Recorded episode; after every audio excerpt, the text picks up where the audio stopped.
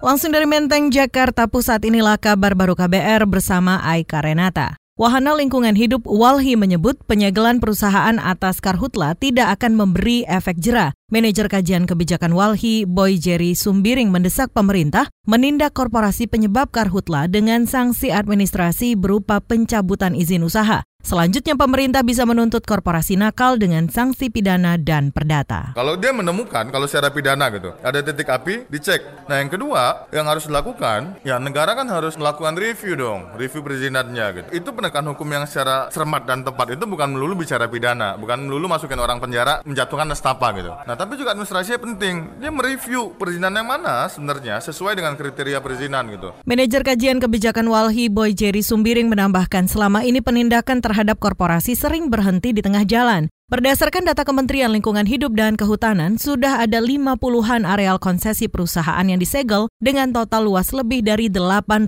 hektar. Sedangkan dari Polri baru ada empat korporasi yang ditetapkan sebagai tersangka. Kita beralih, Menteri Ketenagakerjaan Hanif Dakiri membantah penambahan kategori pekerjaan untuk tenaga asing pada peraturan menteri akan menutup peluang bagi tenaga kerja lokal. Hanif beralasan kebijakan tersebut dikeluarkan karena mengikuti perkembangan zaman. Karena dunianya berubah, jadi sektornya juga berubah. Tapi yang paling inti adalah bahwa masalah tenaga kerja asing di Indonesia itu masih sangat amat terkendali. Kalau mau ngeliat, lihat, lihat aja datanya. Sampai hari ini kan kisarannya itu ribuan bawah. Kan.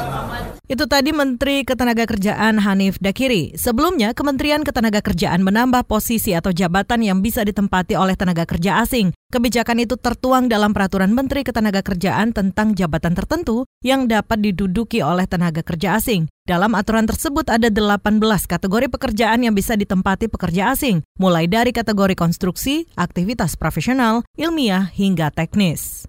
Kita ke soal lain, saudara. Ratusan buruh dari sejumlah serikat pekerja di Jombang, Jawa Timur melakukan aksi unjuk rasa untuk menolak revisi Undang-Undang tentang Ketenaga Kerjaan. Koordinator aksi Nurul Caki menyatakan revisi Undang-Undang Ketenaga Kerjaan dan rencana kenaikan yuran BPJS ini dianggap sebagai paket untuk memiskinkan buruh. Di mana pemerintah di sini menawarkan paket-paket salah satunya adalah menghilangkan uang penghargaan menghilangkan uang, menghilangkan cuti haid, menghilangkan status harapan menjadi karyawan tetap. Semuanya akan dijadikan luntur dan fleksibel sehingga di sini tidak tidak menghalangi investasi kata katanya seperti itu.